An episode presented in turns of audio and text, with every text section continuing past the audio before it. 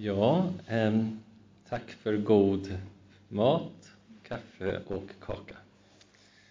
Vi ska fortsätta lite grann eh, att reflektera kring Jesu liknelse.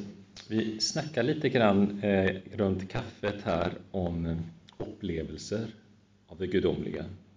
Och ibland kan man känna att man står två steg tillbaka från där det verkligen händer. Där borta är gudstjänst och Gud där borta händer det någonting, men inte här.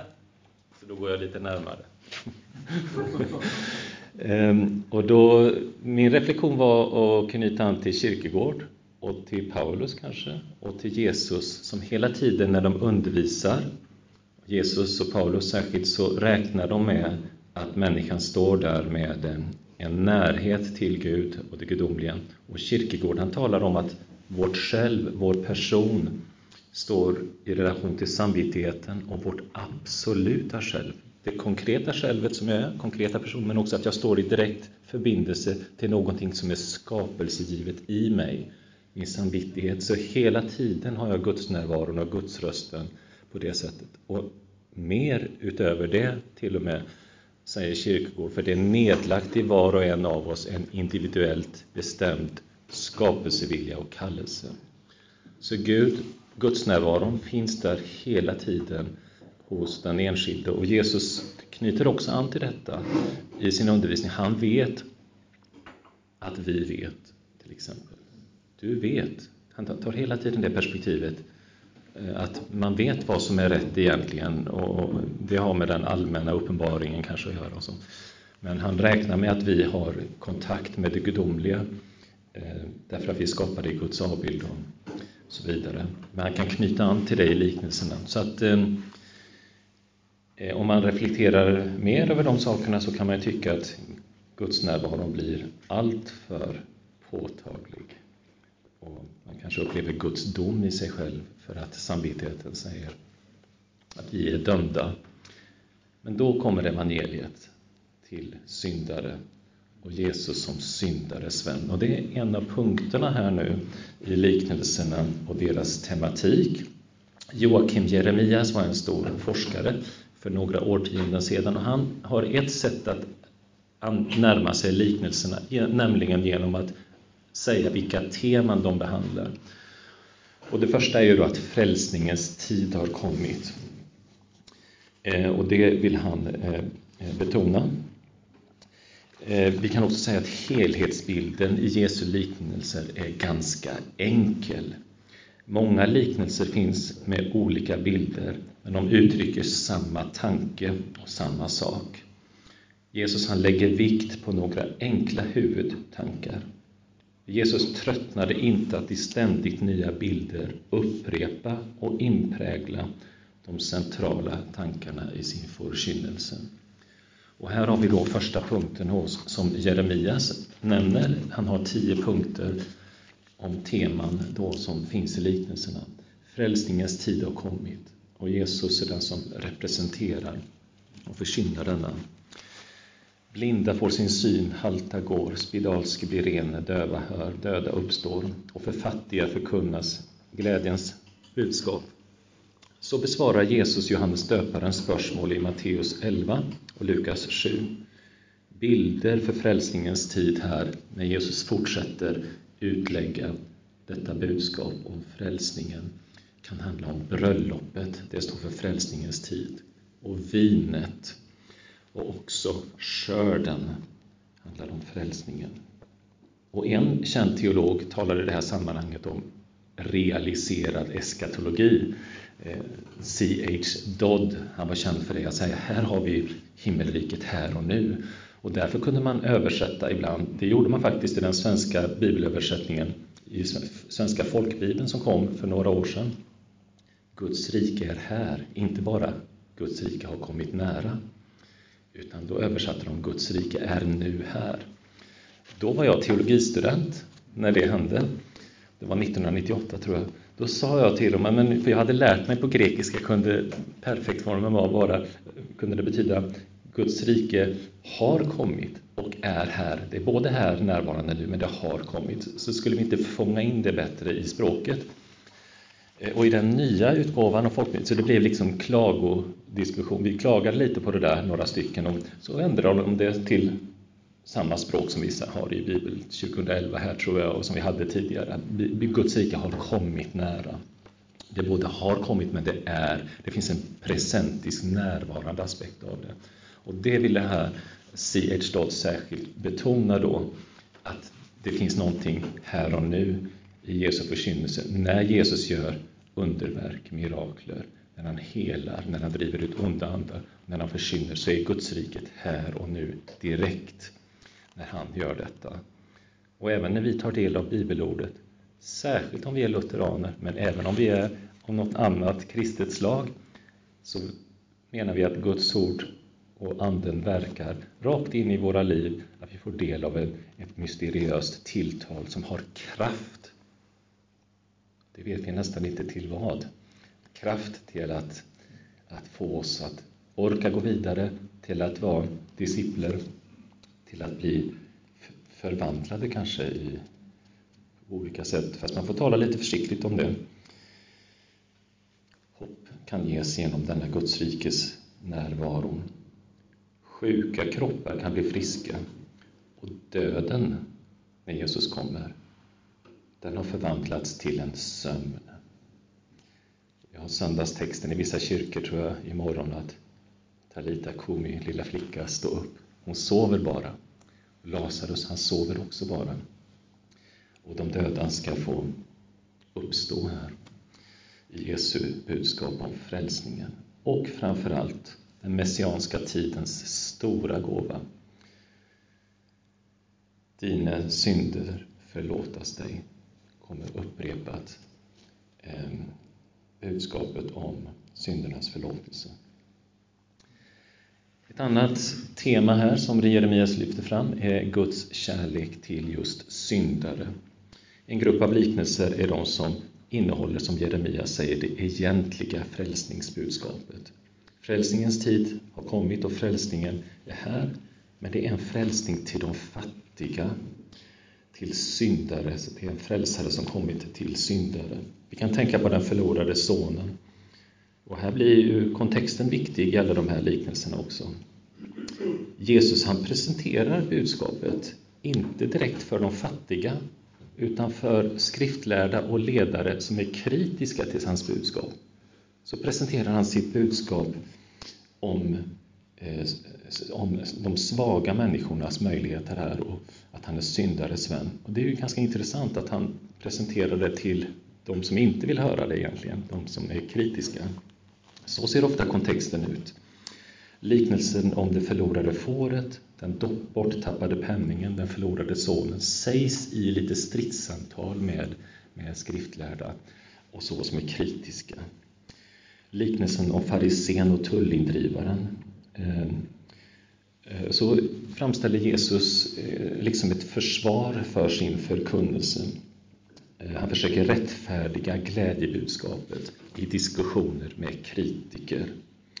Men samtidigt vill nog Jesus försöka vinna över de här kritikerna genom att tala om, om Guds riket. Jesus han rättfärdigar sitt evangelium på tre olika sätt i den här dialogen. Jesus låter de här kritikerna, det kan vara fariseer eller skriftlärda, han försöker få deras blickar att bli riktade på de fattiga. Titta nu på de fattiga här. Den här kvinnan, den här eh, publikanen till exempel eller vad det nu kan vara. Kort formulerat så utgör bilden här eh, av läkaren beskriver läget det handlar om här. Det är de som är sjuka som behöver läkare. Och då blir spörsmålet, är vi alla sjuka? Fast det, det ställs ju inte riktigt, men det är ju... Får vi så, fråga då Ehm, Stig Magne, är det så man kan läsa det? Är vi alla sjuka behöver vi alla en läger. Vi kanske då nickar lite och då blir det ett väldigt allvar i detta. Om vi då tänker oss det här upprinneliga att vårt, vår egen person, vårt själv, står i en direktkontakt på något sätt med vår skapare. Vi kan inte förstå vem vi själva är utan att tänka oss att Gud har satt vår samvittighet och definierat den och har nedlagt i oss en en kanal på det allmänna området men också djupare än så för det är individuellt bestämt. På något sätt tänker jag att det finns särskild uppenbaring som ges liksom i, i, i oss som personer, som Gud har. Så i, I och med det så står vi nära det det kan handla om här och vi kan förstå vem vi själva är, att vi kommer till en insikt om att vi verkligen behöver läkaren som kan hela. Men Jesus försöker också för det andra att få kritikerna, när han förkynnar, att ehm, eh, inte bara se på de fattiga utan också se på sig själva. Och vissa av liknelserna har ju allegorisk karaktär, till exempel liknelsen om de två sönerna, den, som, den förlorade sonen och så den sonen som var kvar hemma. Då kanske de kritikerna kan identifieras mer med den sonen som var hemma och blir kritisk till att Jesus bryr sig om och frälser och räddar, omfamnar syndaren, den förlorade sonen. Ehm, ja, eh, i den liknelsen om den förlorade sonen så framställs direkt eh, en, en koppling till Gud Fadern i den här fadersgestalten i berättelsen. För eh, det står där i, i Lukas 18, va? Ehm, Fader, jag har, nej, Lukas 15, Eh, eh, att det, det, är synd som begås mot himlen och mot jorden och så. Så vi förstår direkt att liknelsen går utöver sig själv, den har allegorisk karaktär. En annan eh, aspekt här kallar Jeremias för den stora tillförsikten, att vi kan stole på det som händer, som har med Gudsriket att göra. Och här har de vissa liknelser då, liknelser om det lilla senapsfröet som en dag sås i jorden och nästa dag så har det blivit en stor planta som kan ge skydd åt himlens fåglar. Och då tänker vi hela bilden där av senapsfröet, det lilla, som blir till en stor växt som, som fåglarna kan finna skydd i, står för Gudsrikets beskyddande och omfamnande eh, egenskaper. Eh, eh, så vi kan lita på att utvecklingen sker. Det är som med den självväxande säden, sås i jorden och det växer av sig självt och man vet inte hur. Och helt plötsligt så är Guds rikes verkligheten bara där. Man kan stole på att det kommer att ske. Så är det med tron. Man får stola på att tron är gudomlig tro som eh, inte bara ger frukt här i tiden utan i och för evigheten. Det finns en massa stora mysterier och mirakler i tillvaron. Till exempel att vi finns till, att när ni sitter här och, och jag står här så har vi ungefär, som en professor i medicin sa till mig en gång, så har ni hundratusen kemiska reaktioner som äger rum samtidigt i er kropp. Och det glömmer jag inte. Han var själv ateist och pratade hela tiden om naturen. Naturen lär oss med stort N. Men han sa också att, att eh, våra människokroppar är ju så fantastiska jag fick vara med en sommar och studera ett transportprotein som var 500 000 enheter stort. Man såg det i elektronmikroskop eh, innan jag började läsa teologi. Och det där proteinet hade som, och det finns massor av sådana proteiner, Det är oerhört komplext och det visste precis vad det skulle göra.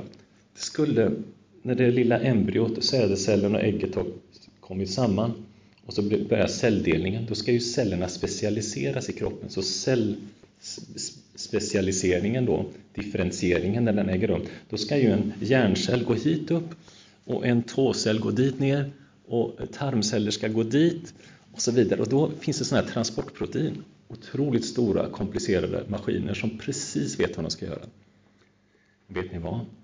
Allt det där är en slump, en tillfällighet. Det är inget mysteriöst över det alls. Allt är bara naturligt. Och eh, Darwin har lärt, lärt oss detta.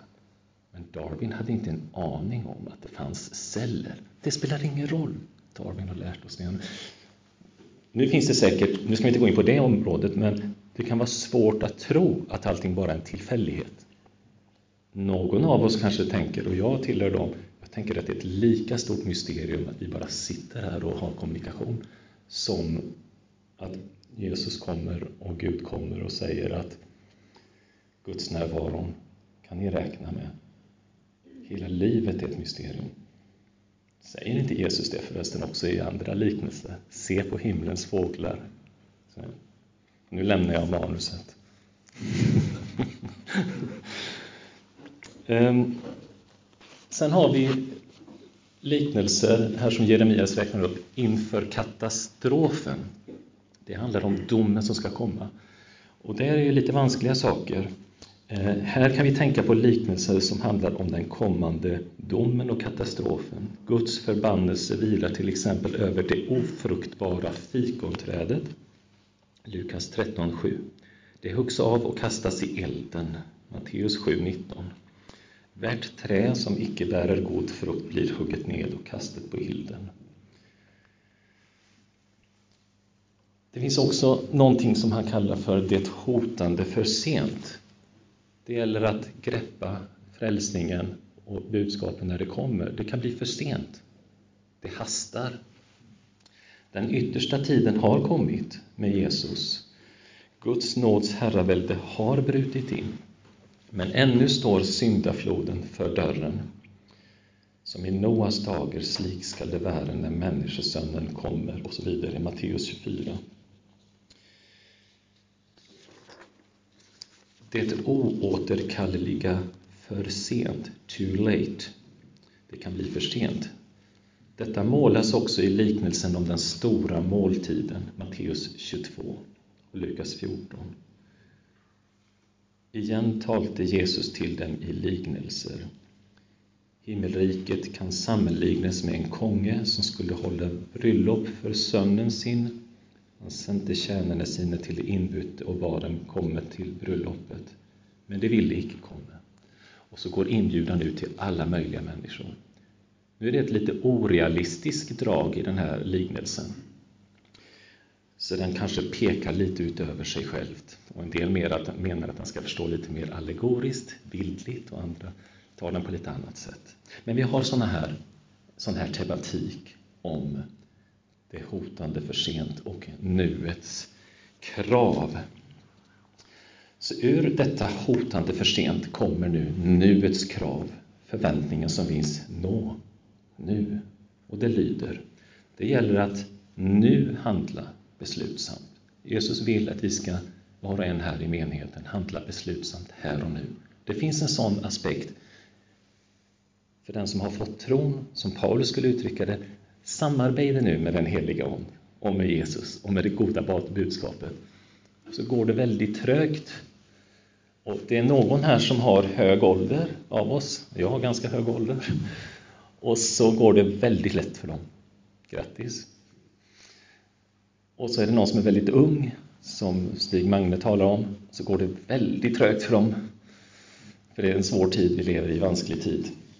Men Jesus säger till oss alla, det är viktigt att vara redo. Så kommer det en massa bilder, bildspråk och också konkret språk. Viktigt att vaka, att ha sina lampor brinnande. Tillhör den här gruppen liknelse, att kläda sig i festkläder. Det har någon av oss redan gjort idag, vet jag. Så att man är beredd för brudgummen när han kommer. Det är Matteus eh, 22 till exempel. Men där kungen kom in för att hilsa på gästerna fick han öje på en som icke hade på sig bröllopskläder. Matteus 22, 11-13. Han spurte han, min vän, hvordan är du kommit hit in utan bröllopskläder? Men han tidde. Där sa kungen till tjänarna, bind han på händer och fötter kast han ut i mörkret utanför, där de gråter och skär tänder. För många är kallt, men får är utvalt. Detta blir ju en oerhört svår text, vansklig text att läsa. Det första jag skulle gjort om jag skulle fördjupat mig lite grann mer i denna liknelsen, det var att gå och se på kontexten.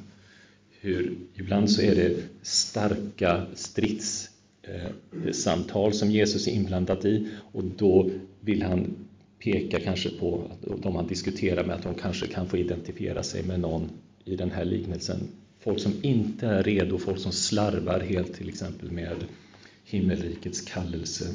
Sådana saker som Jesus är inne på här. Men till syvende och sist, Jesus han talar så hårda ord så man kan kanske förstå bara av den sakens skull att människor som har varit med på vägen i 30-40 år, att nu lämnar jag. När jag läser ett sånt här ord kan jag inte vara med längre.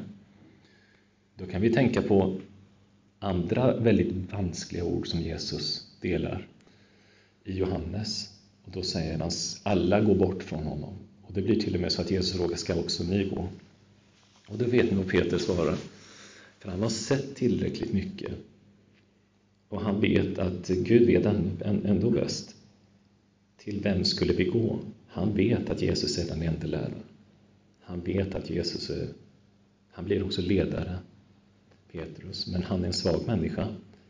Det finns ingen annan att gå till än till den som står i direkt relation till skaparen, till Fadern. Men, men vanskligt och svårt är det. det. det. måste vi väl ändå säga, kanske när vi stöter på vissa. Och ändå får vi säga då med Paulus, det är rättfärdigt. Det kommer som en rättfärdig dom. Den som slarvar, slarvar ju. Den som slarvar, det finns en dom. Men nu hela evangeliet och budskapet som riktar sig till dem som har syndat och fallit under domen och som är sjuka, nämligen vi alla till syvende och sist. Om vi nu ska ta in Paulus, vad gjorde man teologiskt av det här? Och Jesus själv, han är syndares vän. Och han kan upprätta oss. Jag tänker att han kan upprätta mig när jag vaknar upp en dag som den här, trots den jag är. Att det finns, som min katolske vän Per brukar säga, för han har läst allting Martin Luther har skrivit nämligen, allting på original. Han, han, det var en, en jesuitpater som sa till Per, varje god katolik ska ha läst allt Luther har skrivit på originalspråk. Han, tog, han var i klostermiljö, så han tog två år. Och han läste inte bara Luthers Gesammelte allt. Han läste också allt annat som finns utgivet av Luther. Han har läst allt. Det finns nästan inga Lutherforskare som har gjort det. Men det har min vän Per gjort. Han jobbar som undersköterska. Han, vill inte, han var kallad ner för att bli expert nere i Vatikanen, men han ville inte. Så han jobbar, helt enkelt han tog hand om sin sjuka mor i många år och jobbar bara med helt enkla jobb, men han är otroligt avancerad. Så jag tänker, han blir nog, han blir nog lutheran vilken dag som helst. Så han, jag tänker, han, har, han, han är så han protestant och så.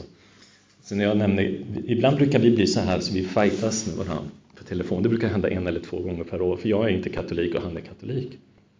Och jag, men då, direkt vi börjar prata om att konvertera, konversion, då säger han, ja, jag ska konvertera.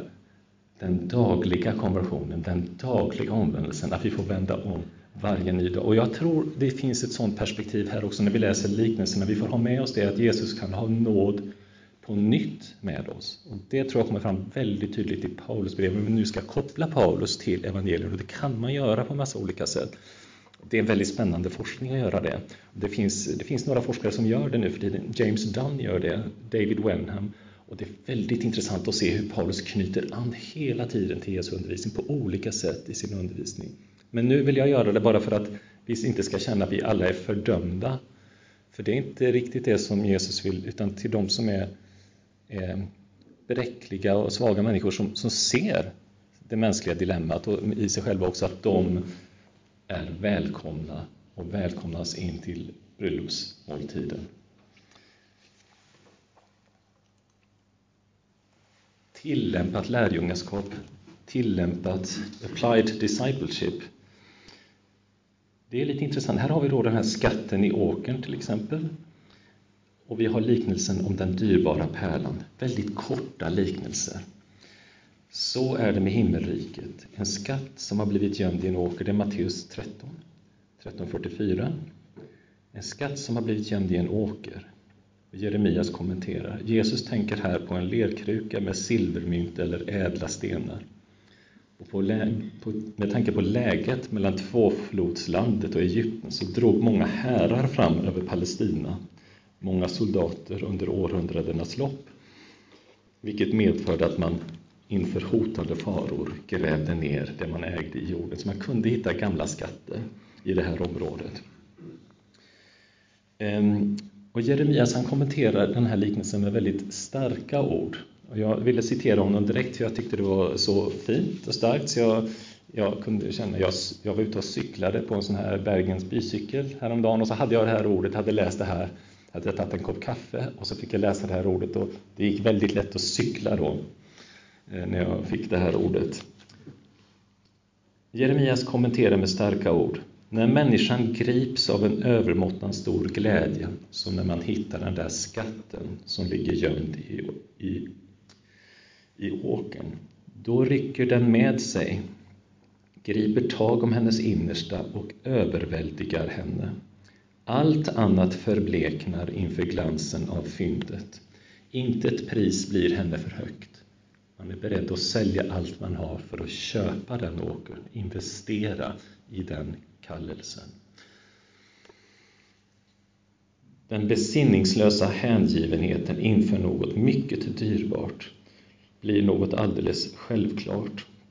Det avgörande är inte då båda männens glädje, den som hittar skatten och den som finner den dyrbara pärlan. Det avgörande är inte männens glädje över att äga sina dyrbarheter. Oj, vad rik jag blev, nu kan jag investera i en CD-spelare och en TV och en resa till Mallorca.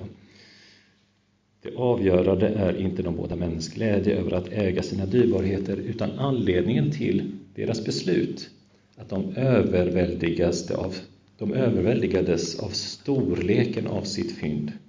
Vilken skatt! Så är det med Guds rike. Det glada budskapet om dess ankomst skänker den stora glädjen och inriktar hela livet på att fullkomna gudsgemenskapen. Det har en lidelsefylld hängivelse till följd. Någonting förvandlar människor som kommer in i Guds rikets häng. Ett, ett hopp föds och en, vilja att bara vara i den här sfären som har med Guds rikes verkligheten att göra. Och människor som är där det märks att de är där på ett eller annat sätt. Och människor runt omkring kan se det och bli väldigt imponerade. En gång i tiden var vi några som blev väldigt imponerade av en, av en jänte som läste medicin. Och det bara, man såg den här glädjen, den här entusiasmen och det här hoppet. Och, och hela det här livet där allting liksom, hela livet hade integritet och var i en karismatisk kontext också. Den här kvinnan och um, um, där fanns riktigt liv. Vill du byta bort det mot ett liv med massor av pengar, kanske dina släktingars liv eller mm, dina vänners liv. Man har så mycket och man har jättestort och man behöver inte ge gåvor till kyrkan heller. Man, man kan ha det för sig själv. Vill ni byta bort det hoppet vi, vi tar del av när vi läser liknelserna. Vill ni byta det mot en jättestor annan skatt? Ja, jag tror inte eh, Eh, men han beskriver det väldigt fint här, Jeremias lärjungaskapet. Man är beredd att offra för den otroliga eh, förundran och glädjen och, och hopp och allt som nu kommer. Lukas tar fasta på den här glädjen i sitt evangelium. Man kan läsa Lukas evangelium och titta på hur ofta han kommer tillbaka här. De var glada i sin glädje och liksom det finns på många ställen glädjen hos Lukas och det kommer direkt ur Jesu egen undervisning. I sin glädje så blev de gripna. De blev gripna och blev glada och i sin glädje så går de iväg. Det, det finns olika sammanhang vad människor gör. En del vill följa med Jesus bara. Nej, stannar du här i Hednaområdet, du som nu blev botad här från din, din besatthet och man vill följa med Jesus, men de blir glada, de vill följa honom.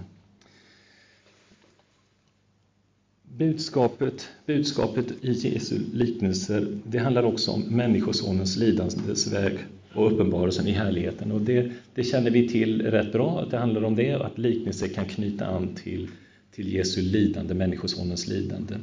Om inte vetekornet faller i jorden och dör, förblir det ett ensamt korn till exempel. Det är hos Johannes, där har vi bildspråk hos Johannes. Och det finns liknande material i synoptikerna, Matteus, Markus och Lukas. Och sen talar Joakim Jeremias om fulländningen som en annan tematik. När Jesus sedan talar om fulländningen så sker detta upprepade gånger i bildspråkets form. Gud är kungen som tillbes i det nya templet, Markus 14. På tronen vid Guds högra sida sitter Människosonen. Vad som ska hända vid fulländningen, kungen Jesus och änglar som sitter där runt tronen och de heliga som ska döma världen och så vidare. Det onda är försvunnet. Den syndiga världen är försvunnen i fulländningen, Matteus 19.28. Och dom har hållits över levande och döda. Satan har kastats ned från himlen, Lukas 10.18. Döden härskar inte längre, Lukas 20.36. Lidandet har tagit slut, Matteus 11.5. Och sorgen är borta, Markus 2.19. Allt är helt annorlunda. Det fördolda uppenbaras, de små blir stora, de hungrande mättas, de gråtande ska le, sjuka blir friska, de ödmjuka blir upphöjda, de döda blir levande. Det finns bibelstöd för allt det här i evangelierna. Jag tog det lite snabbt nu bara. Skuld, skulden blir utplånad. Herrens lidande tjänare har betalat lösepenningen för folket. Markus 10.45 till exempel. Och i nattvarden så får man den till syndernes förlatelse. Där har vi Matteus 26 tror jag. Och den förklarade församlingen, den förklarade menigheten står inför Guds tron. Efter bedrövelsens tid har den stora glädjen kommit. Det finns olika sådana här bilder i evangelierna som, som Jeremias lyfter fram i, det här bredare, i den här bredare framställningen över Jesu bildtal. Och sen har vi också liknelsehandlingar i tillägg. Jesus talade inte bara i liknelser, utan han handlade också eh, som en, en profet som, som illustrerar liknelser. Men framför allt så, så handlar han i, genom att ha bordsfällskap med syndare. Och han blev kritiserad för detta, att han umgicks med, med, med syndare och tullindrivare och olika kategorier av människor på samhällets eh, lägsta nivå. Va? Till Sackeus kommer han till exempel och gästar Sackeus hus. Nu tittar vi på Jeremias, hur han klassificerade sina liknelser. Vi kan se att andra forskare här har klassificerat dem på lite annat sätt. Det är en framställning på engelska. Den här powerpointen finns, så den kan man titta på efteråt om man vill. Ehm, och det finns många goda forskare. Den, den, mest kända av de här är Klein Snodgrass, kanske nu för tiden. Han har skrivit en, lite, nästan en sån här standardbok, standardverk för Jesu liknelser. Så den boken är, är väldigt användbar. Eh, och han menar på att liknelserna har en, en poäng som Jesus försöker driva igenom, att de har en mening, in, intention, att man inte kan tolka dem hur som helst. Utan han har, det är en väldigt fin bok. Men alla de här forskarna har kritiserats av en annan forskare som, heter, som är en väldigt fin evangelikal forskare som heter Craig Blomberg.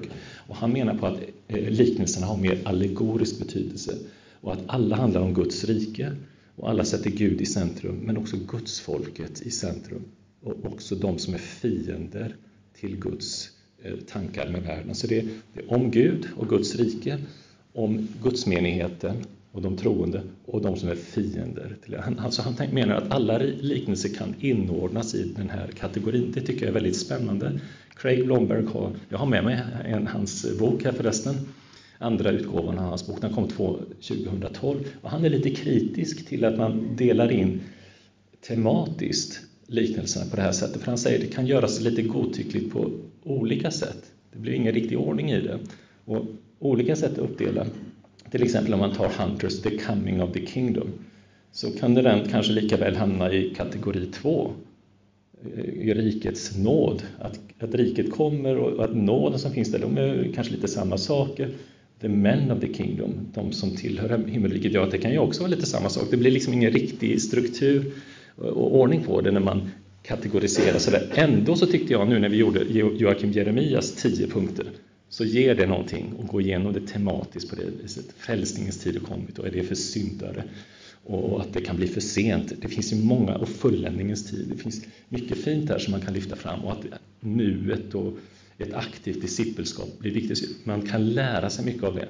Men vi ska titta lite grann strax på Craig Blombergs lösning som har lite mer allegorisk prägel. Här har vi de här båda sönerna, en som säger ja och nej en man som hade två söner och det var den vi såg. Vi såg en liten snutt om detta. Va? En svarade nej och så gick han ändå och en svarade ja, men han gick icke. Och fariseerna som står runt omkring, eller de svarade rätt på frågan vem av dem som handlade bäst. Så de kunde svara rätt, men Jesus menar då att de inte agerade riktigt, men de svar, gav rätt svar i teorin. Ehm, lik... Ja. Nej. Det är snart efterpå. Ehm, liknelser om det närvarande Gudsriket. Bara lite grann om det. Guds rike är framtida och nutida. Ehm, så det finns en koppling mellan Jesu ord och Jesu gärning. Direkt Jesus börjar undervisa och utföra sina handlingar. Han, han botar ju människor som är sjuka och han driver ut onda andar. Då är Guds riket här och nu, när det sker. Och det sker också när vi tar del och lyssnar direkt på en Jesu liknelse. Vi kan läsa den högt tillsammans. Vi kan gå hem och läsa Guds ord. Och läs Guds ord. Det var som någon sa om att läsa Mattias Flasius. Det sa Hans-Georg Gadamer till Bengt Hägglund. Det är en filosof till en teolog. Han sa läs Flasius, det lönar sig. Men läs Guds ord var som helst. Det lönar sig för den kristna att göra det. Så början av Guds rike är redan närvarande i Jesu undervisning.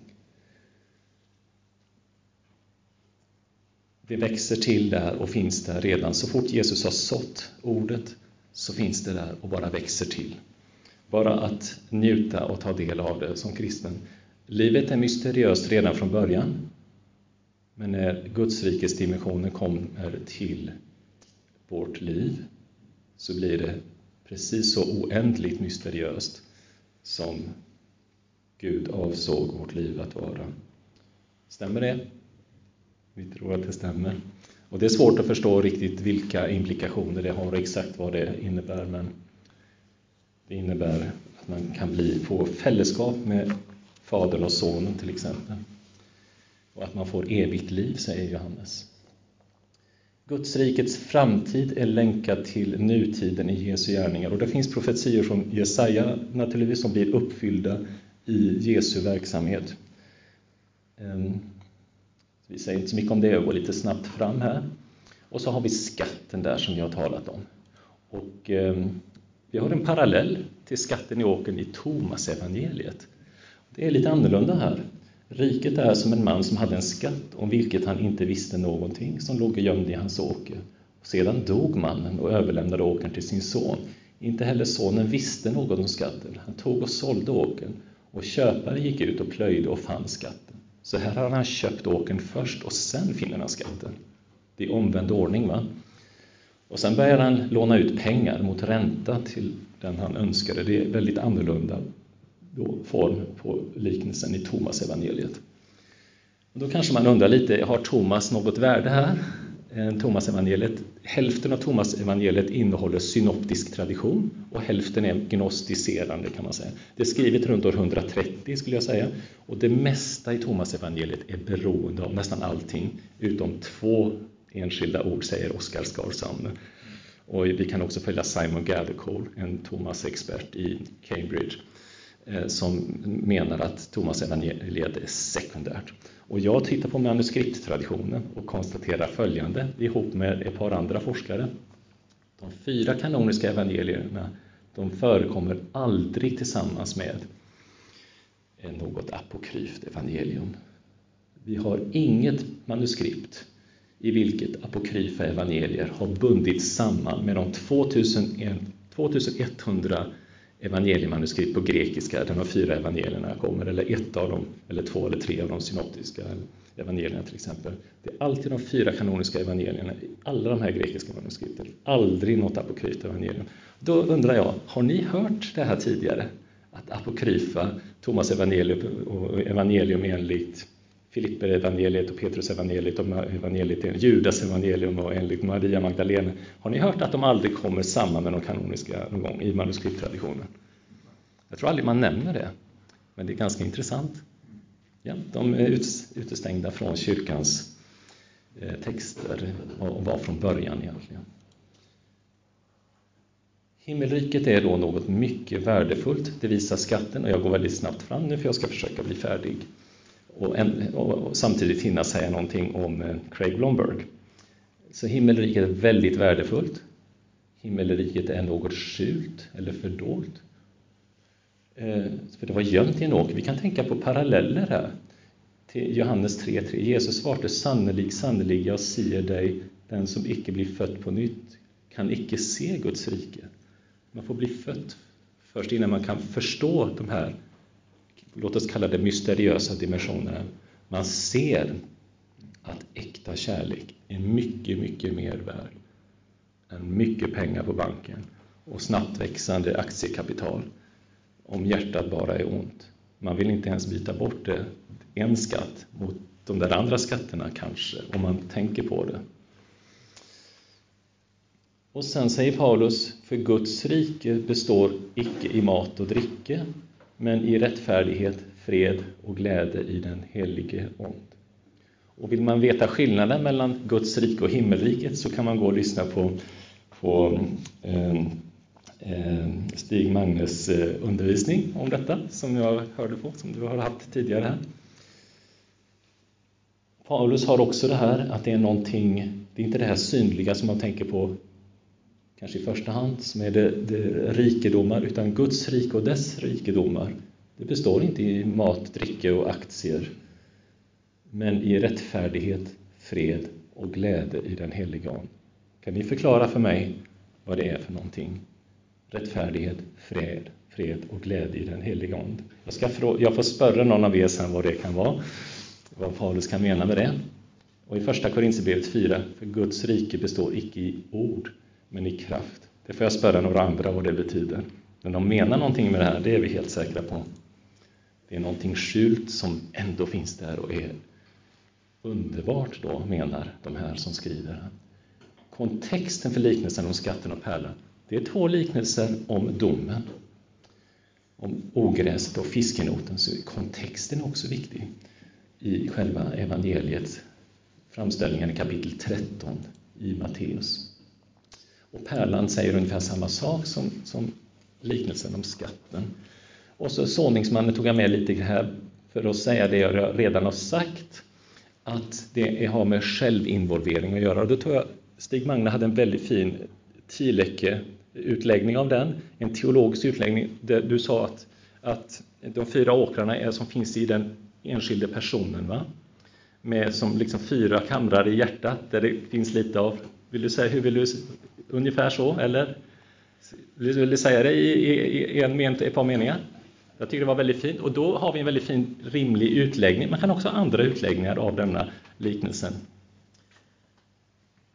Jag tror det var hos eh, Helmut Tillicke jag läste genomgång av, av Matteus 13 om, eh, om eh, såmannen och Åkaren Att han säger Vanligvis så tenker vi jo på fire ulike personer eller grupper. Når Jesus snakker om det som blir sådd i god jord, eller det som havner ved veien, som eh, fuglene spiser, og tistler og, og dette. Steingrunn. Men så sier han men det er sånn i hjertet vårt at kanskje den enkelte er disse fire typene. Hver enkelt kan være det.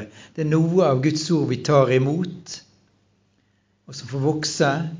Og så er det andre ting som eh, den, den fienden, djevelen, kommer og plukker bort, och Så, vidare så eh, hver enkelt må passe på hjertet vårt at alle de fire hjertekamrene er god jord. Tackar för detta.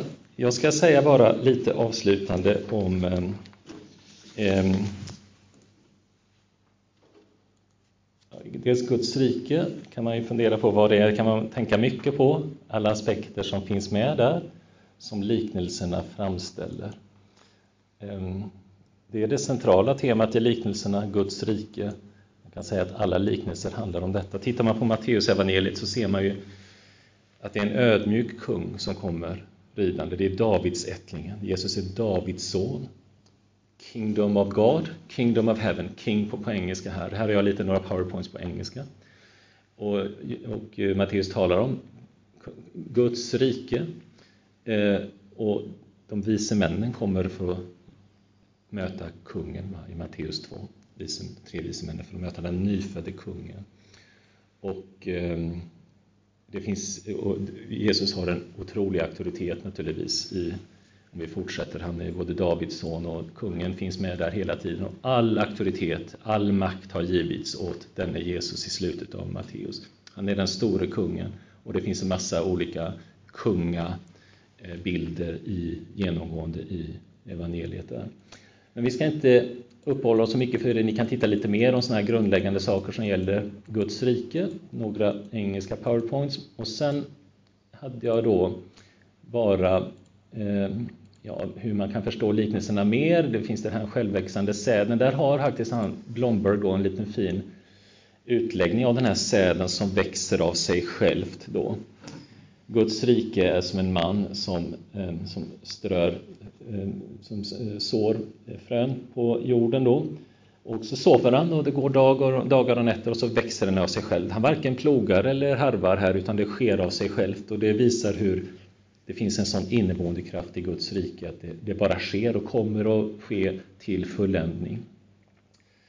Ehm, Ja, här finns då, jag tror jag lämnar det också faktiskt, det är en väldigt fin utläggning han har där, eh, Blomberg som jag följer, eh, och vad, de, vad det kan stå för, de olika um, um, Människor kan inte förutsäga hur det kommer att ske, utan det är Gud som står bakom allt. Jag tror jag ska, kan jag gå tillbaka, forrig, ska vi se.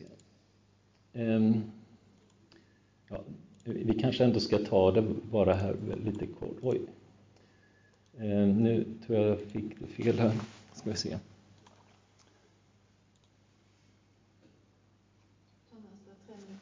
Ja, jag tror jag skyddar mig istället. Och då gör vi så här att jag... Eh, eh, eh Blomberg han, han, menar på att det finns allegoriska inslag i, i liknelserna Eh, som jag tycker är mycket intressant. Eh, och han eh, menar på också att det finns olika grader av allegoriska element i liknelserna, men han är öppen för allegorier, i alla fall till en viss del. Tidigare i kyrkans historia så hade man bara märkliga allegoriska utläggningar av de här liknelserna och då tappade de sin upprinnelige karaktär, att det handlar om Gudsriket primärt och lite andra saker. Men eh, han menar då, Craig Blomberg, att man till en viss grad faktiskt kan göra de här berättelserna i liknelserna, göra om dem till påståenden, alltså eh, propositioner, och säga att de handlar om Gudsriket och så handlar de om Gudsfolket och de som är motståndare till Gud och, och Guds tankar. Så det är hans huvudpoäng. Eh, så huvudkaraktärerna i de här liknelserna Eh, förmodligen sådana eh, figurer som man också kan göra om till en, en som fadersfiguren kan liknas då vid Gud till exempel. Och en son som är, gör något bra kan liknas vid en troende människa eller de som tillhör gudsfolket. Att man kan, och de som är ja, så att han har liksom huvudkaraktärerna kan man då allegorisera. Och ibland görs det explicit i liknelsen och ibland förstår man att det är fadern som är så, som visar vem Gud är, Lukas, som tar emot den förlorade sonen. Han är en sån självutgivande fader som, som visar faktiskt vem Gud är i Lukas evangelium. Så där, där handlar det inte så mycket om hög, att visa att Jesus är Gud. Oj, vilken hög kristologi vi har här, utan tvärtom. Gud visar sig vara vem Gud är genom att agera genom Jesus och genom den Jesus identifierar sig med i liknelsen. Så det visar vem Gud själv är väldigt mycket, det som vi ser i, i den här kärleksfulla omfamningen som Fadern har om den förlorade sonen. Och sen så menar Blomberg här att det finns en tredelad struktur i de flesta av Jesu liknelser. Ibland är det bara två led som finns med och ibland är det tre eller ett led. Och här, har han lite statistik på eh, vilka liknelser som har två led och vilka som har tre och vilka som har ett led. Eh, och så här är då själva sammanfattningen då. De tre punkterna som han talar om här, det är att Guds nåd, eller Gud själv, och Guds rike och, och Guds nådefullhet. Och sen är det lärjungaskap, discipleskap och kraven som vilar på förväntningar som vilar på discipler. Och så är det de som, som är olydiga och risken för att vara olydig som han har med. Och det centrala temat är Guds rike eller himmelriket. Och det finns en kristologisk dimension till detta också, som sammanfattas av en forskare så här. Eh, dels är att kristologiska dimensionen är dold i liknelserna, så att det finns en sån koppling här. Och så har han också, eh, det här är återigen en sammanfattning, Guds natur, vem Gud är, det är undervisning om Gud och Guds rike. Och så är det hur de uppför sig, eller hur man beskriver dem som är Guds folk, och hur de som är fiender till evangeliet, hur de framställs. Det är tre olika led. Och huvudsyftet då, det med parablerna eller liknelserna och parabolä förresten på, på grekiska då, det har en mycket bredare, det är massa olika genrer som ingår där och vi har liksom redan tagit del av många av dem, olika typer av bilder och marschall är det, grekiska, eller det hebreiska huvudsakliga ordet, det finns något annat också som det täcker. Men det är en bred kategori, det här med liknelser på både grekiska och hebreiska. Eh, men det handlar om huvudsakligen då att beskriva Guds handlande i Jesus så att människor ska komma att kunna stole på och lita på budskapet och bli discipler. Alternativt att bli eh, bortstött eller offended. Eh, vad säger man, komma på, på vad säger man på norsk? Ta anstöt. Ta anstöt av evangeliet. Och det var det väldigt viktigt ord på slutet. Och där säger vi någonting om den här, den här varningen som Jesus kommer med att ha anstöt i, eh, av budskapet. Men jag, jag tror att jag stannar där och tack för att ni ville lyssna och tack för att jag fick möjligheten att fördjupa mig i ett ämne som jag inte hade fördjupat mig i riktigt så mycket tidigare. Och jag hoppas få läsa mer själv om detta. Stort tack!